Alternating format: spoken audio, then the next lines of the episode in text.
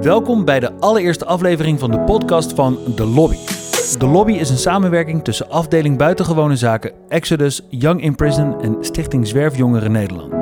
Met dit team willen we graag een zogeheten tussenruimte creëren waar jongeren terecht kunnen in de overgang van binnen naar buiten. Deze tussenruimte noemen we de lobby. Ik denk, ik denk een beetje wat bro. Ik denk dat het onbewust dat het jeugdstrafrecht je zo maakt dat je als je buiten komt en je hebt ervan geleerd of zo, dat, dat je in, nog steeds in het systeem zeg maar leeft, weet je. Maar als ze gewoon lauw met mij zijn, gewoon grapjes met mij maken, gewoon dingen uit hunzelf aan mij vragen en niet bang zijn om dingen te vragen, dan je weet toch. wanneer de persoon tegenover mij mij hetzelfde laat zien. Heb je als iemand laat zien van oké, ik kan vrij zijn met jou, dus jij kan ook vrij zijn met mij. Je hoeft niet speciaal niks te zeggen. Mijn naam is Tobias Pontjoen en ik ben bij Stichting Young in Prison werkzaam als coördinator voor het vrijwillige mentorprogramma en als methodiekcoach en maker van podcasts. Contact met jongeren tijdens en na detentie is een groot onderdeel van mijn werk. Vandaag ben ik in de hoedanigheid van gespreksleider met verschillende ervaringsdeskundige jongeren in gesprek voor deze podcast. Samen met Denzel, Mo en Adam proberen we te onderzoeken wat een plek zoals thuis nu echt thuis maakt. De jongens waar we vandaag mee spreken zijn al op jongere leeftijd in detentie terechtgekomen. Buiten waren vrienden, de straat en de community om hen heen alles wat bijdroeg aan hun thuis. Maar na een langere tijd van detentie is het niet gek dat binnen in de instelling meer thuis begint te voelen dan buiten. En juist daarom willen we in de lobby erachter komen hoe we deze jongens ook buiten detentie een thuis kunnen bieden. Want thuis, is dat een helpende hand, een letterlijke plek om te wonen of gaat dat vooral om stabiliteit? Deze podcast bestaat uit twee delen, want we voerden uiteindelijk twee gesprekken. Bij allebei de gesprekken is ook Camille Hageman aanwezig. Camille is intensief jongerencoach bij Exodus en hij zit aan de balie van de lobby. In dit eerste deel zal hij her en der wat vragen, maar zeker in het tweede deel komt hij veelvuldig aan het woord. Voorafgaand aan ons gesprek heb ik meerdere kaartjes op tafel gelegd met quotes van bekende artiesten en schrijvers. Ik vroeg aan de jongens om één van deze quotes uit te kiezen en te vertellen waarom ze juist deze gekozen hadden. Alright, begin bij jou man. Welk kaartje heb jij gekozen? Ik heb een kaartje van eh Wiz Khalifa En wat staat erop? en daar staat op eh Worrying is stupid. It's like walking with an umbrella waiting for, waiting for it to rain. Tof. Dat is met andere woorden. Ja, Hij gaat altijd met een paraplu rondlopen. Deze zonnige vond hem ook grappig. Ja, dus dat is wel... Ja, maar het is wel een goeie, toch? Worrying Ja, is stupid. Ja, ja, feit. Ja. Als je je zorgen maakt de hele tijd, dat schiet niet echt op. is hetzelfde als in de zonneschijn gaan lopen met een paraplu omdat je bang bent dat het gaat regenen. Klopt, want het moment komt toch. Het moment komt toch. Ja, waar je zorgen om maakt, toch? Ja, Dus dus je moet je geen zorgen maken, zeggen. ja, dat moment komt toch. En dan, dan is het geweest. Dan denk je, oh, heb ik me daar allemaal zorgen om gemaakt. Ja. Weet je. Mooi. Ja. Thanks, man. Adam, welke kaart heb jij gekozen? Um, to appreciate the sun, you gotta know what rain is. Van J. Cole. Ja, toch? Ja, waarom heb je die kaart gekozen? Um, heel van mijn leven heb ik wel lopen strokkelen. En ik zeg heel eerlijk, de leven die ik nu leef, geluk en blijdschap, had ik niet zo ervaren als ik de strokkel niet had gekend. Want dan was het normaal geweest. Ja, Ja, toch? keihard. Dus je, je voelt ook nu geluk en blijdschap. Zeker. Meer. Ik accepteer het meer. Hmm. Dan dat ik het zou doen als het gewoon normaal voor me was. Ja, nice, man. Dankjewel. Ja, toch? Thanks. En Denzel. Ik heb een kaartje van Lijpen. Ik weet precies wat ik doe. Ik weet precies waar ik loop, maar nog niet waar naartoe. En waarom heb je die gekozen? Omdat, ja, in het leven, je, je weet precies wat je aan het doen bent. Maar net wat je doet. Welke kant je op gaat. Je weet precies waar je mee bezig bent. Alleen je weet nog niet waar het eindigt. Nee. Maar heb je? Maar je loopt, het- maar je loopt hem wel al. Jij, Dus Precies. eigenlijk wel... Ja, toch, je bent eigenlijk aan het wandelen naar de toekomst toe, maar je weet nog niet wat er in de toekomst komt. Nee. Daarom heb ik deze gekozen. Heel mooi. Ik wil gelijk even een stelling erin gooien. Want we zijn bij de lobby natuurlijk op zoek naar een soort van thuisgevoel. Een soort van plek waar je het niet vervelend vindt om te komen. Als ik nu vraag, wat betekent je ergens thuis voelen? Adam. Weten dat je welkom bent. Respect voor elkaar hebben. Vooral. Respect voor elkaar. En wat bedoel je met respect voor elkaar? Dat je... Als, als iemand mij het gevoel geeft dat ik welkom ben, dan wil ik op die bepaalde plek vaker voorkomen dan dat ik zou zijn als ik weet dat iedereen tegen mij is. Precies. Dus eigenlijk op voorhand meteen weten dat je geaccepteerd kan worden. Je wordt sowieso niet de eerste keer geaccepteerd. Maar als je daar vaker bent gekomen en je ziet mensen zijn nog steeds vies tegen je, dan is het voor mij het gevoel dat ik daar gewoon niet meer wil komen, snap je? Nee, snap ik. Ja. Maar als ze gewoon lauw met mij zijn, gewoon grapjes met mij maken, gewoon dingen uit hunzelf aan mij vragen en niet bang zijn om dingen te vragen, dan je weet toch, geef ik daar sneller antwoord op dan dat je dom tegen mij zal doen. En dan eh, hoef ik ook niet meer voor te komen, snap je? Ja, tof, thanks. Denzel, wat, is, wat betekent voor jou je ergens thuis voelen? Voor mij ergens thuis voelen betekent dat je ja, gewenst bent. Gewenst. Ja. Waarom? Wat, wat ik daarmee bedoel is, met gewenst bedoel ik dat jij, dat ze graag willen, dat ze graag, ja, moet ik dat uitleggen? Ja. Dat ze ja, liever hebben dat je met hun bent dan dat je Ja. ergens anders bent. Dan dat je Begrijp bent, ja. dan, dan, ben je, dan voel ik me thuis. Als ik kan bijvoorbeeld bij, bij een mattie komen en hij is nooit met me, hij is nooit, hij kijkt niet naar me, niks, dan, dan voel ik me niet thuis bij hem. Dus Nee. ook al kom ik in zijn huis. Precies. Ja. Mensen, mensen zeggen wel eens uh, mi. Ja, maar Maar niet dan, dan krijg je daarna niks te drinken aangeboden. Dan hey, hoe dan? hoe werkt deze dan precies? Ja, toch daarom. Ja. Nee, mooi. Dus echt heel erg ehm, het gevoel hebben dat het beter is dat je daar bent dan dat je ergens anders was geweest. Mooi. Mo, ik ga maar jou ook vragen. Wat betekent het voor jou? Thuis voelen, ja. Ik, ik denk als je uitgenodigd, ook uitgenodigd wordt vanuit iemand, dat dat ook eh Ja. eh, gevoel is van is dat je welkom bent of zo. Ja. Ja. Weet je? Als jij zelf gaat en. Ja, ik heb dat dan persoonlijk. Als ik, als ik zelf naar mensen toe ga of zo, dan voel ik mezelf alsof ik iemand stoor of zo. Weet je? Dus ik laat zelf iemand mij vragen of ik kom. Ja. Ja. En jezelf uitnodigen, doe je dat ook wel eens? Nee. Helemaal niet. Ik- Helemaal niet. Nee, omdat ik. Je moet uitgenodigd worden. Ja, omdat ik voor mezelf dat ook eigenlijk eh, best wel hanteer, zeg maar, naar mij toe. Ik zeg je eerlijk, ik, als iemand zomaar random naar mijn deur komt, vind ik dat ook een beetje. Ook wel vaak uit, zeg maar. Ja, ik zou ook wel denken van, Ja, van bel me of zo. Van, ja, ik, vind het wel goed als, toch? ik vind het wel goed als iemand me belt en zegt van... eh, ja, ik heb niks te doen, vind je het goed als ik naar jou toe kom? Dat, dat vind ik niet erg. of zo. Maar als iemand zeg maar random voor je deur staat, zeg maar, dan Ja. is het altijd een beetje van, eh, oké. Weet je? En zo voel ik mij dan ook. Om, zeg maar tegenover, zeg maar. Dus als ik naar iemand toe ga, onaangekondigd of... Vroeger hadden we er helemaal geen last van toen we klein waren. Nee, dat was het Dan gewoon... liep je gewoon naar een de- deur, klopt je op de ramen, gewoon hoi. Ging je dingen doen. Maar jij, jij knikte ook Adam zo van Zeker. onaangekondigd langsgaan.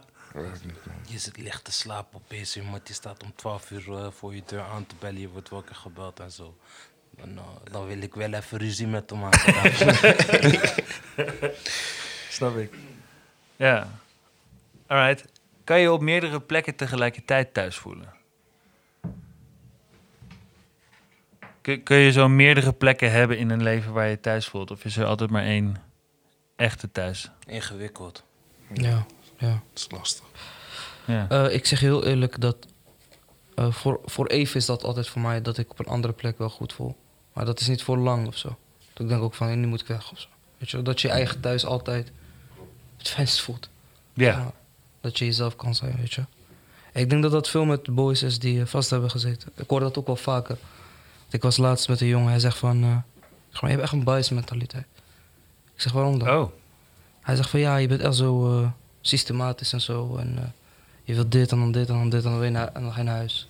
Ik zeg ja, er is niks anders te doen of zo, weet je. Nee. Ik wil niet gaan, je weet toch, gaan chillen op straat of wat dan. Ja, als ik naar de stad of zo. Als ik naar de stad ga, dan is dat omdat ik iets nodig heb. En niet omdat ik daar ga hangen of zo, weet je. En dan Dat is dus heel veel veranderd in mij, weet je. Dat is... eh, Komt dat doordat je hebt maar dat komt ook door eigen le- gewoon ook mijn eigen levenservaring en eh, hoe, ik daar, hoe ik daar nu tegenover sta, weet je.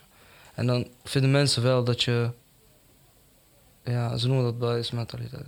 Van, je, bent, je werkt systematisch, zeg maar. Hm. Ja. Je bent ergens op gezette tijden voor een bepaald doel. Ja, En dan ga je weer. ja precies dat. gewoon thuis. Ja, je, je herkent het ook? Ja, precies hetzelfde had ik ook. Ja. Voordat ik naar binnen ging in de stad chillen, hangen met matties. Nu Ja, en dan kom je naar bro, buiten en dan heb je gewoon een hele Ik heb andere... geen tijd man, wat moet ik in de stad gaan hangen? Ik kan ook in mijn huis chillen. Ja. Normaal. Kan je, kan je- zou je dat ehm, verder kunnen uitleggen? Wat dat is? Die, Ik denk, ik denk een beetje wat, bro. Ik denk dat het onbewust dat het jeugdstrafrecht je zo maakt dat je als je buiten komt en je hebt ervan geleerd of zo, dat, dat je in, nog steeds in die systeem zeg maar leeft, weet je. Want die- Ja. daar is het ook van, oké, einde dag, half tien, ja, weet je. Buiten is eigenlijk niks te doen. Je komt daar ook, je beseft binnen ook van, buiten, buiten, buiten is eigenlijk, als je heel de dag thuis blijft, dan heb je ook je dag behaald, weet je wat ik bedoel? Mhm. Zeg maar, begrijp je wat ik bedoel? Maar weet, je- weet je wat het misschien komt? Is omdat je wanneer je vast hebt gezeten, dan zit je in een celletje in een bepaalde tijd. Ja, En je bent maar voor een bepaalde tijd met een, met een bepaalde groep. Ja, Heb je? Op het moment dat je dus niet meer met die groep bent, ben je weer alleen. ja. Dus wanneer je buiten komt, zit dat er nog in. Ja. Heb je? je gaat naar buiten, oké, je bent even met een paar matties, je chillt even, doet wat, gaat weer naar binnen. Klaar. Dan heb je, je gaat weer naar je kamer, ik chillen thuis. ja. En je geeft aan, Adam knikt ook, hè? Van, dat herkennen jullie dus alle drie, die, die bias mentaliteit. Mm, ja. Is het, is het ook, ehm, voelt dat dan nu ook het fijnste om te doen?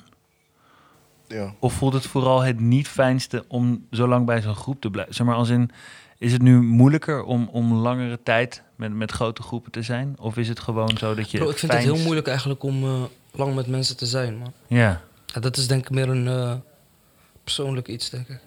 nou ja, Ik- maar, Ik weet niet of dat persoonlijk is of... eh, je. daar ben ik nog wel heel veel aan het ontdekken, zeg maar. Ik vind het heel fijn met heel veel mensen, maar Ja. ook heel veel mensen vind ik het gewoon helemaal niet fijn. Dan denk ik van, ja, ik vind het wel oké. Goed. Ja. Ik, ga ve- ik ga verder, weet je. En jij moest meteen knikken net.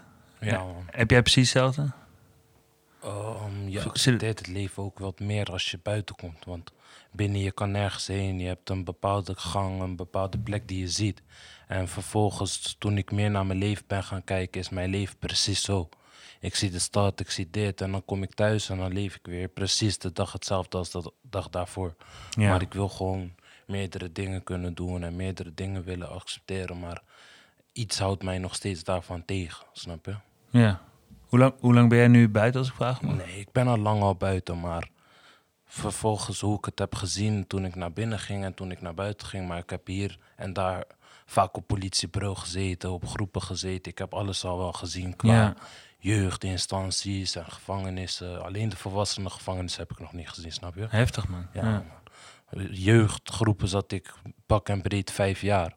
Ja. Maar op een detentie heb ik niet zo lang gezien, maar drie maandjes. Maar na wat ik heb meegemaakt, zie ik het leven heel anders dan een Jan of een Jaap die uit een rijke familie zou komen, Mhm. snap je? ja. Ik ben alleen opgevoed door mijn moeder.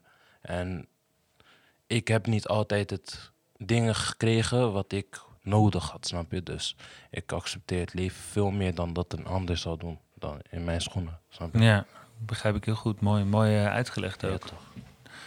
En heb je ook dat je dat herkent, dat je veel tijd alleen thuis wilt doorbrengen? Want Denzel zegt meteen van, nou ja, na een tijdje is ook een soort van gezelschap of een afspraak weer klaar voor mij en dan wil ik thuis me weer terugtrekken. Zeker, want het ding is, vroeger toen ik gewoon roekeloos was, ik ging naar buiten, ik was de hele dag buiten. En nu heb ik gewoon van die dagen dat ik in mijn bed lig en denk, nee, vandaag is het hem niet. Ik blijf gewoon precies liggen waar ik lig. Is dat wat jij ook bedoelde met van, dan heb je de dag ook klaar? Ja. Ja? Heb je zelf, heb je zelf een einde dag gegeven? Nee, maar ja, je hebt wel gelijk, man. Eh, Het laat je gewoon zien dat, dat het gezelschap niet meer hetzelfde is als toen. dat is het meer, man. Dat, dat, Begrijp je? maar je, je komt ook, kijk, ze zeggen altijd wanneer je vast zit, dan kom je ook achter wie je vrienden zijn en zo. En dat is ook wat, dit zijn dingen die echt zo zijn. Maar Klopt. Omdat binnen Eh. zie je alles, bro. je gaat, ook heel anders op naar, je gaat ook heel anders op naar mensen kijken. Van, Ja. als jij iemand net leert kennen, denk je van... eh, ik heb niks aan deze persoon, ik kan deze persoon loslaten. Hij heeft geen toegevoegde waarde in mijn leven. Ja. En eh, hij gaat me ook niks brengen in het leven, weet je. Dus ik laat hem los. Dat kan ik nu sneller dan, dat ik, dan voordat ik vast zat. Iemand loslaten, zeg maar. ja, dan voelde alles onvoorwaardelijk. Nee, Eh, niet, als- zo, niet als per se mattie zo, of maar van, ja, van, ja, ik zie je, ja, rustig, ik zie je, ik zie je straks. Ik zie je. Je? Ja, ja. Je, gaat maar, meer- je gaat maar altijd chillen, chillen, Het chillen, weet je. Je meer, gaat maar door. je geeft ze die kans. Dat is het. Nu, wanneer je vast hebt gezeten, is die kans wat kleiner. Begrijp je? Hmm. Waarom? Omdat je het eerder ziet. Eerst zou je nog denken van, ach ja, ach ja, kom nog wel, ach ja, ach ja.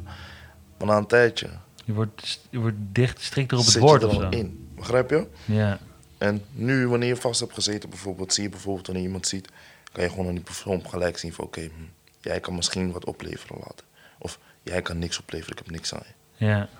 Het is gewoon vanuit binnen krijg je dat gewoon mee. Is het, heb je ook een idee dat als je binnen hebt gezeten, dat je een soort van eh, echt weet waar het om gaat in het leven? En dat mensen die die ervaring missen, voel je dat als mensen die ervaring missen van het Ik zeg heel eerlijk, ik heb dat, eh, heb dat in België een beetje meer ontdekt, zeg maar. Hoe, dat het leven veel meer is dan het leven, zeg maar, dan wat ik deed, zeg maar. Mhm. Daar kwam voor mij persoonlijk het omkeers, om, omkeerpunt, zeg maar. Want, eh, kan je voor de luisteraar uitleggen wat België voor jou inhoudt? Wat, wat was daar? Eh, ik heb daar bijna een jaar vastgezeten eigenlijk. Was het een PI of JI? P. Eh Ja. Volwassen. Ja, en eh, het was gewoon heel anders, weet je, met zes mensen op één cel en zo. Dus het was wel dat je ook gelijk volwassen werd, want ik zat met mensen die ouder waren dan. Ja, oudste was rond de 65 of zo. En die jongste die was 40 tegen de 40 aan, zeg maar. Dus het was gewoon gelijk een hele oude groep en ik was net 18 of 19 of zo. Ja. Dus ik moest zeg maar. eh, Dus je moest voor jezelf zorgen. ja, en ook volwassen zijn, want ik wil ook bij hun. Ja. Ik ben met hun samen, ik leef samen in één leven. Dus ik moest me heel, gelijk heel erg volwassen gaan gedragen en heel, eh, Heeft dat je geholpen? ja, tuurlijk. Ja, dat heeft me heel sterk en, eh, eh, ja, ik ben gewoon heel sterk gemaakt, man. Ja. Omdat je er een beetje alleen voor stond ook, denk ik. Daar. Ja, daar voelde ik echt dat ik ver van huis was en eh, eh, niemand sprak en zo. Nee. Dus daar had ik echt wel een fucked up situatie waar ik ook voor mezelf gewoon echt moest struggelen, zeg maar. Ja. En de gevangenis zelf om voor mij wat zelf zeg maar, te fixen. Zeg maar. Ja, zeker. Nou, wat je zegt, daar, waar, daar voelde je echt dat je ver van huis was. Ja. Daar waren alle elementen van een thuisgevoel gewoon weg. Weg, man. Ja. Niks, geen Nederlands, geen. Gewoon Ja. andere vibe, zeg maar. Voor iedereen. Ben je thuis altijd jezelf? Nu wel, man. eh sinds een half jaar wel. Ja. Sinds ik een eigen woning echt heb, wel. Ja. Kamers ook niet hoor. Nee. Was wel groot dat, je, dat, ik, dat ik tot rust kon komen, maar. Als je echt die eigen plek hebt, zeg maar, dan is dat meer, zeg maar. Dan weet je echt zeker van, ik ben hier alleen. En, Nee. of met iemand, waar- ja, met wie je wil zijn. Zeg maar. Ja. Adam? Nee, man. Nee? Nee, man. Want van mezelf weet ik, ik wil bepaalde dingen doen. Maar toch aan de andere kant van mezelf houdt me tegen om dingen te doen. Dus ik ben mezelf wel, maar ik ben mezelf ook weer niet. Hm. En wat, kan je dat iets beter uitleggen nog? Zeg maar, als in, er zijn ook kanten aan jou die je dus tegenhoudt. Ja, ik ben mezelf de beste vriend en ik ben mezelf de grootste vijand. Ja. Ik hou mezelf tegen en ik push mezelf door. Maar alleen ik moet van de bepaalde dingen weten welk, waar ik mezelf door moet pushen en waar ik mezelf tegen moet houden. En in het verleden, door die domme keuzes, toen ik die domme keuze had gemaakt en zo, had ik dat meer nodig dan nu. Maar het zit er nog steeds niet helemaal 100% in. Heb, je daar, heb je daar hulp bij nodig? Of voelt dat als iets waar je langzaamaan steeds zelf iets beter in wordt? Ja, ja zeker. Ik eh, maak ook steeds meer moves en zo. En ik doe ook niks met doms. Ik eh, heb die dingen ook gewoon achter me gelaten. Ik ben aan het kijken naar de toekomst. Alleen ik moet nog steeds weten waar ik mezelf door moet pushen. Bijvoorbeeld met mijn rijbewijs halen. Ik maak wel de afspraken en ik doe wel de dingen, maar ik kom ze niet na. Hmm. Bijvoorbeeld dat soort dingen zijn die akkefiets waar ik met mezelf in de strijd zit. Nee, die zijn lastig. Ja, Die best zijn wel. lastig.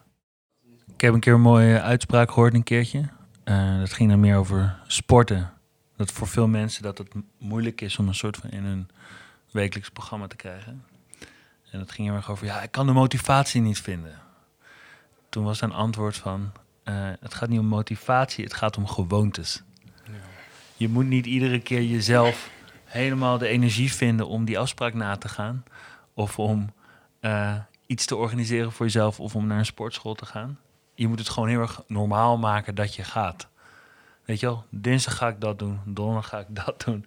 Mijn vrijdag ziet er zo uit. En dat vond ik zelf altijd wel een mooie inslag of zo. Weet je, van iets moet een, iets meer een gewoonte worden in plaats van. Want die motivatie kost energie, man. Als je voor al die stappen die je moet zetten gemotiveerd moet zijn, dan hebben we, dan, dat zegt ze ook heel vaak. Ja, we moeten nu zorgen dat hij gemotiveerd moet blijven. Doe dat maar eens. Je moet ervoor zorgen dat er een gewoonte van wordt. Ja, joh, je bent niet eens een week gemotiveerd. Weet je, hoe doe je die dan? Het is volgens mij veel belangrijker dat je dingen normaal maakt. Hè? Dus dat je ze doet en dat ze dan lukken, dat je daardoor voelt: hey, ik Oh, heb ja, het ja, gedaan. ja. Dus het kan gewoon. Dan wordt het een gewoonte. Nou ja, goed, het was een hersenspinsel tussendoor, maar ik, Nee, maar het is, het Dat is wel een goede tip mee. Het is wel een goede Ja. tip, man. Ja, man. ja, ik, dus, is, eh, voor, voor mij was het. eh, Zo heb ik er nog geen eens naar gekeken. Ja, ik denk dat motivatie gewoon zo ontzettend hard is. Dat het ook veel meer American Dream wordt. Motivatie is meer om door te zetten. En die gewoonte is om ermee te gaan beginnen. Precies. Ja, toch. Ja, en we hebben het ook heel vaak over ambitie en, eh, en presteren. Intenties. Precies. Maar ik denk dat intenties beter is. Want dan ga je dus eigenlijk gewoon zeggen van ik wil iets goeds doen. Ik wil iets doen wat, waar ik blij van word. Wat me een toekomstbeeld geeft. Dan de intentie kan je volgens mij nog veel meer energie uitputten dan motivatie. Want Ja. als je een slechte dag hebt, waar haal je die vandaan dan, die motivatie? Maar uiteindelijk zit het alsnog net als die quote van Lijp. Je kan er wel mee beginnen, alleen je weet niet waar het naartoe loopt. Nee. En dat is waar ik met mezelf in de strijd zit. Ik kan wel beginnen met mijn rijbewijs. Ik kan wel geld uit gaan geven. Maar ik weet niet waar het uiteindelijk naartoe gaat. Ja. Want ik ken ook jongens, ik ken ze sinds hun 17, 18 zijn. Ze waren toen begonnen en zijn nu 22 en hebben nog steeds een rijbewijs niet. En zo wil ik ook niet lopen, snap je? Nee, precies. Dus ik wil wel weten waar het naartoe gaat voordat ik aan iets begin. Maar dat is Ja, je weer- wil eigenlijk een soort van garantie van succes voordat je eraan begonnen Ja, bent. toch, maar dan zit ik weer met mijn strij- dan zit ik weer met mijn hoofd in gevecht met waar moet ik doorzetten Ja. en waar moet ik mezelf tegenhouden. ja, die snap ik vet goed. Ja, toch? Dat, is, dat is sowieso volgens mij de allerlastigste. Ja. Het liefst maken we al onze keuzes op basis van een garantie van succes. Weet je wel? Net als dat spijt altijd iets is van de kennis van nu. Spijt komt altijd achteraf. Ja, je kan nooit, weet je, kan met de kennis van nu niet iets anders doen. het is gewoon, het is gewoon, we maken gewoon... Nee, Anders dus- kom, als je het niet doet, dan kom je er nooit. nee Dus precies. Dat is ook zo, ja. Nee, hetzelfde zo'n garantie, die heb je toch niet. Dus je moet maar gewoon een soort van eh, in good faith gewoon, gewoon gaan. Ehm, als je kijkt van de overstap van binnen naar buiten, ho- hoe was dat? Over het algemeen.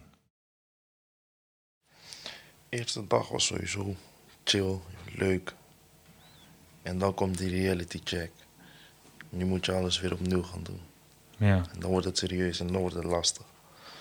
Als je niet de juiste hulpmiddelen hebt en de juiste personen, Ja, dan wordt die lastig. snap ik, ja. Had jij de juiste middelen en juiste persoon? Ehm, ik had ze wel, maar maakte er niet echt gebruik van aan het begin. Dus ja. Ik ben nu net buiten. Laat me moet, ik gelijk, hoezo moet ik gelijk weer terug naar, naar de reality, begrijp je? Ja. Dan moet ik nog eventjes genieten van de tijd dat ik buiten ben. En eh, dat werd na een tijdje de nekslag. Je gaat dan door met chillen, chillen, chillen en vergeet je hulpmiddelen. En dat is wat bij mij was gebeurd, man. Maar nu deze tijd, ik kijk anders. Gewoon je hulp aanbieden, wat je wordt aangeboden aannemen. De meeste hulp is goed voor je. Soms komt het goed uit, soms niet. Nee. Komt hulp wel eens niet goed uit? Ja, je hebt soms hulp dat niet altijd nodig is. Ja. Als je, waar, waar bracht je de meeste tijd door? Thuis, Thuis. Want rust. Het is anders. Je moet begrijpen, wanneer ik ging, toen ik binnen zat, ik was meer op mezelf. Gesloten, wou niet echt met mensen praten. Ik was wel goed met een paar jongens van de gevangenis, maar ik was niet echt met mensen. Nee. Dus als je naar buiten komt, dan krijg je weer eigenlijk een volle laag. Waar heb je, iedereen wil, weer, wil je weer zien, iedereen wil weer met je zijn. Ja. En ik denk alleen maar bij mezelf dat ik, eh, jongens, eh, nee hoor, dank je, het is goed zo voor mij. Ja.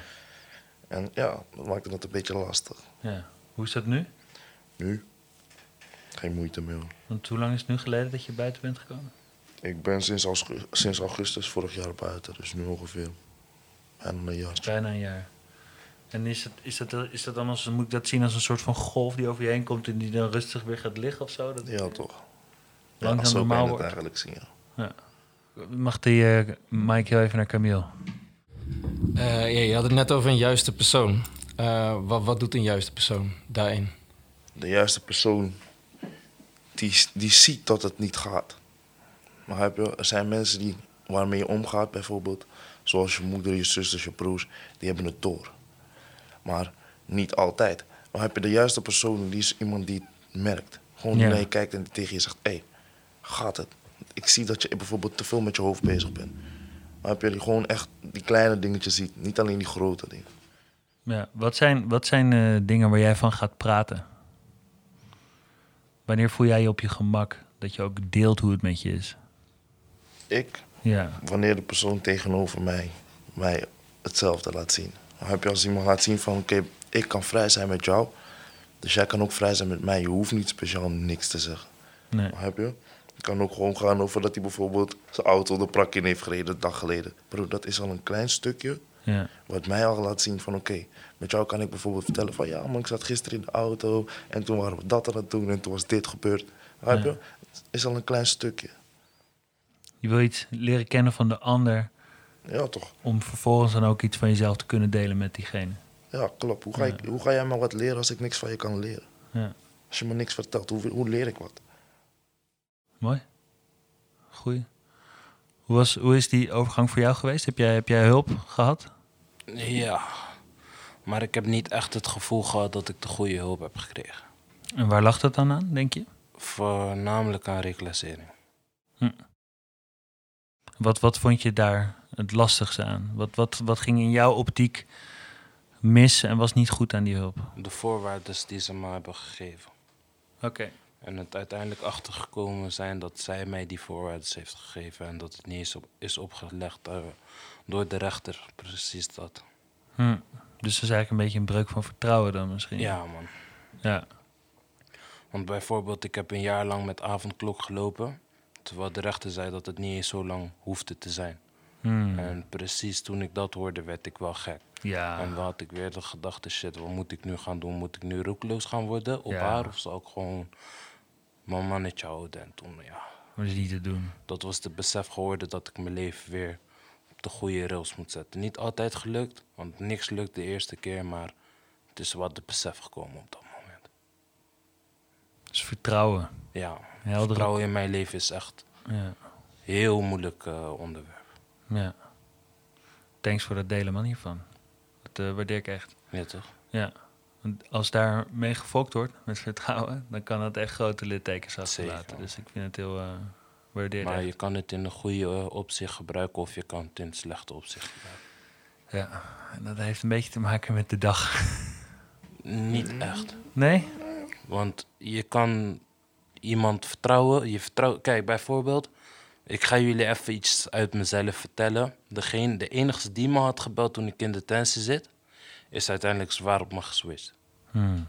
Dus wat iedereen zegt, je weet pas wie je matties zijn wanneer je in detentie zit, dit en dat, bla en bla. De beste mattie die mij in detentie belde, heeft mij uiteindelijk zelf gesnitcht. Dus vertrouwen, maar dan heb je weer het ding, je kan het in het goede gebruiken of je kan het in het slechte gebruiken. Want hij is op mij geswitcht, maar ik ben een betere versie van mezelf geworden doordat, het, doordat dat is gebeurd. Snap je? Ja, je hebt van iets, een nare ervaring, heb je een, een mooie les gemaakt voor jezelf. En dan, dat is die ding die in je hoofd komt. Nu moet je je leven omdraaien en nu moet je zorgen dat je degene die jou gaat snitchen niet eens de stap moet laten zetten dat hij dat kan doen. Je moet Nee. niet eens proberen in zo'n situatie te kunnen komen. Nee.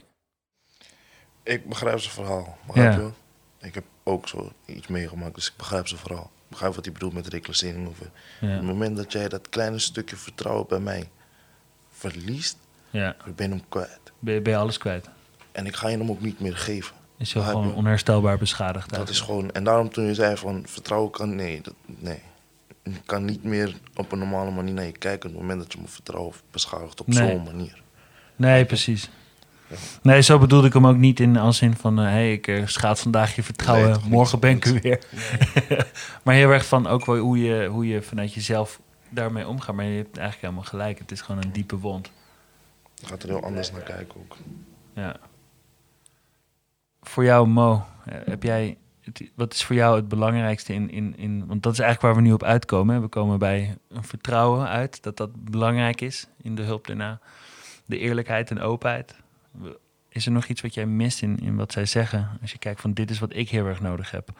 Of toen de overstap van binnen naar buiten ging, was dit voor mij heel erg waardevol dat dit er ook was. Ehm, eigenlijk niks. Nee, man. Eh, bij mij was er ook een andere situatie weer. Ik was dakloos nadat ik, nadat ik vrij kwam en zo. Dus Ja, ik ging naar mijn ex uit wanhoop, zeg maar. Ja, dus ja, ik heb daarin heel veel gemist, weet je. Eh, wat vanuit de jeugdinstelling binnen kon geregeld worden. Al van tevoren, zeg maar. Toen ik vrij kwam, ging ik naar de gemeenteloket hier in Rotterdam.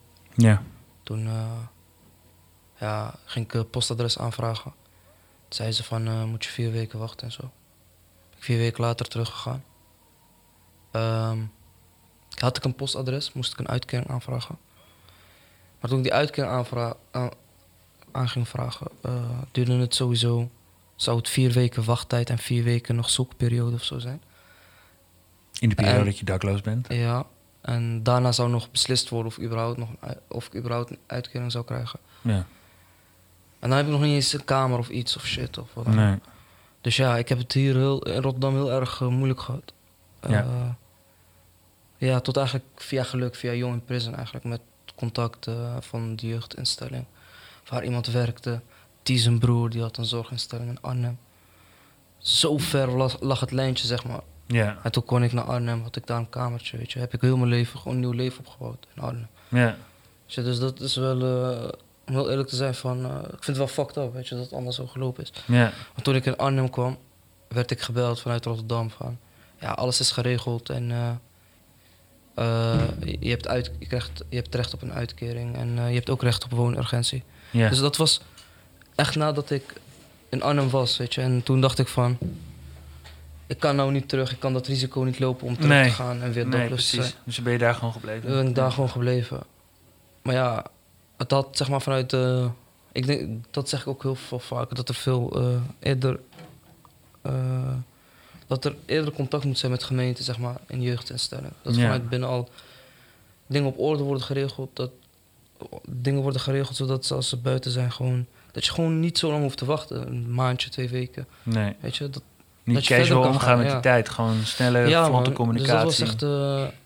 eh, ja, dat is echt de miscommunicatie tussen Ja. dat eh, geweest. Ja, Camille wil wat eh, zeggen. Ja, je zegt dat, het, eh, dat er binnen eigenlijk al eh, communicatie moet zijn. Zou je het ook chill vinden als iemand, dus een, een persoon ook al binnen met jou contact heeft hierover vanuit de gemeente, dus die alvast met jou gaat kijken naar uitkering, huis? Ja, sowieso. Want eh, ik had een gesprek gehad met eh, gemeente Rot eh, iemand van het jongerenloket van de gemeente, van gemeente Rotterdam. Die is bij mij in de jeugdinrichting geweest. En eh, twee weken voor ik vrij zou zijn, zou iemand van eh, het CVD, zeg maar centraal, eh, dat is zeg maar zorginstelling, ja. die zijn dus die zijn twee weken voordat ik vrij kwam, zijn hun geweest zeg maar, om mij eh, om te vertellen wat de stand van zaken eigenlijk zijn. En zij zei tegen mij van, eh, wij kunnen eigenlijk heel weinig doen voor je. Want je Ja. hebt geen postadres, je hebt, eh, je hebt geen plek waar je naartoe kan Ze gaan. kon ook niet het postadres regelen. Ja, er kon gewoon helemaal niks. Ik moest echt vrij zijn om, ik moest echt vrij zijn om dat te kunnen regelen, weet je. Ja, precies. Maar als, je op, als jij weet, want toen ik mijn eh, jeugdstraf ging uitzitten, wist ik al vanaf dag één, want ik, zal, ik ging voorwaardelijke straf uitzitten. Toen zei ik vanaf de eerste dag, jongens, ik heb een probleem, ik ben dakloos. En, dus ik wist al wat mijn probleem was. En omdat ik in België die shit, die omkeer kreeg, zeg maar, ging ik in Ja. Nederland gewoon de straf uitzitten wat ik moest uitzitten, weet je. ja, Om gewoon opnieuw te kunnen beginnen. Dus ik was eigenlijk al vanaf dag één al eh, heel erg sterk met wat ik wil. En eh, ik vind dat gewoon heel slecht, gewoon dat daar heel slecht naar is geluisterd. En, er, er is zeker, er is zeker wel behoefte aan iemand eh, vanuit de gemeente of iets. ja. Ja, iemand van de gemeente of iets die al eerder betrokken raakt. Maar ook eh, dingen kan, eigenlijk ook dingen een beetje kan regelen, weet je. Ja. Eh, of dat er een, eh, een heet dat, dat je snel zeg maar, door een traject kan gaan. Ja, het gaat echt om snellere communicatie. Snellere dus we hebben eigenlijk en, gewoon het vertrouwen wat hoog zit. We hebben het... Want mij had het ook gewoon geschild, weet je. Anders had ik weer gewoon terug in mijn oude, Ja, systeem kunnen vallen. ja. Het is een beetje van, ook met die hip hoor, dat die hip ook mij sterk hield van, ja, kom op, hou vol en het komt wel goed. En dat ik naar de opdrachten kwam en zo. Dat heeft me heel erg de andere kant weer laten zien, weet je. Want, want als ik wegging van daar, werd ik, weer mee, werd ik sowieso weer meegesleept in, Ja. in het negatieve eigenlijk. Dus had je wat aan die motivatie ook Tuurlijk, want ja. dat maakte mij weer voor een week sterker, weet je. Ja. Ja, ja, thanks man. graag. Ehm, guys, we komen aan het eh, einde van eh, de opname. We hebben op eh, tafel hebben ook nog wat eh, lege kaartjes. En ik vroeg me af, is er iets van wat iemand anders heeft gezegd... wat je is bijgebleven? Van Adam respect. En bij hem het verhaal dat als ik, weet, ik wist al wat mijn probleem was. Als ik de juiste hulp had gekregen, had het, was mijn probleem niet zo groot geworden. Dat zijn dingetjes die blijven wel hangen. Waarom? Soms weet je al wat er gaat op. Soms weet je al wat er met je aan de hand is. Alleen heb je niet de juiste middelen om er te komen. Dat is, dat is wat er nu deze tijd veel gebeurt. Begrijp je? Jongeren, hebben, we- jongeren weten precies wat hun probleem is. Alleen ze hebben niet de juiste hulp. En Voor jou, Adam, is er iets wat, wat de andere twee hebben gezegd? Of wat, Veel, man. wat is je nu het meest bijgebleven als je terugdenkt? Ehm, weten wie de goede personen voor je zijn. Mooi. Goed man. En voor jou, Mo? Ehm, van, eh, van motivatie, dat het inzet gewoon eigenlijk. Dat het meer, motivatie meer dat woord is, weet je. Ja. En eh, dat het uiteindelijk toch gaat om je inzet, wat je laat zien vanuit jezelf, zeg maar. Ja, de, de, de gewoonte die het moet De worden. gewoonte, ja, ja dat, dat vind ik wel sterk. Tof. Mag ik jullie allemaal heel erg bedanken voor jullie, eh, voor jullie heldere geest. Heel erg bedankt voor jullie komst, voor jullie bijdrage. En ik, eh, Graag gedaan. en ik wens jullie al het beste. En eh, wie weet tot de volgende keer. Dankjewel, man. Volgende keer. Thanks, guys. Dit was de allereerste podcast van de Lobby. Deze podcast bestaat uit twee afleveringen en deze hebben we allebei opgenomen bij de Rotterdamse Douwers. De Rotterdamse Douwers is een initiatief van Stichting Mentor Project en zij zetten zich op meerdere fronten in voor jongeren in Rotterdam. Ze waren zo gastvrij om ons gesprek te faciliteren. Waarvoor dank. Nog een kleine nagedachte. Na de opnames raakte ik nog even in gesprek met Denzel. Ik ken hem nog uit de tijd van zijn detentie en heb met hem meermaals gesproken na zijn vrijlating. Ik vroeg hem wat hij er nu van vond om zijn verhalen met ons te delen in deze podcast. Zijn reactie was ontzettend waardevol. Hij zei: Ik vind het niet erg om te vertellen over mijn leven, want dat doe ik mijn hele leven al. Alleen nu wordt er ook daadwerkelijk naar mij geluisterd en er iets mee gedaan. Vroeger wilde ik dat ook, dat men naar mij luisterde, maar toen deed niemand dat. Daarom ging ik dingen doen zodat mensen mij zouden zien en horen, op zoek naar aandacht.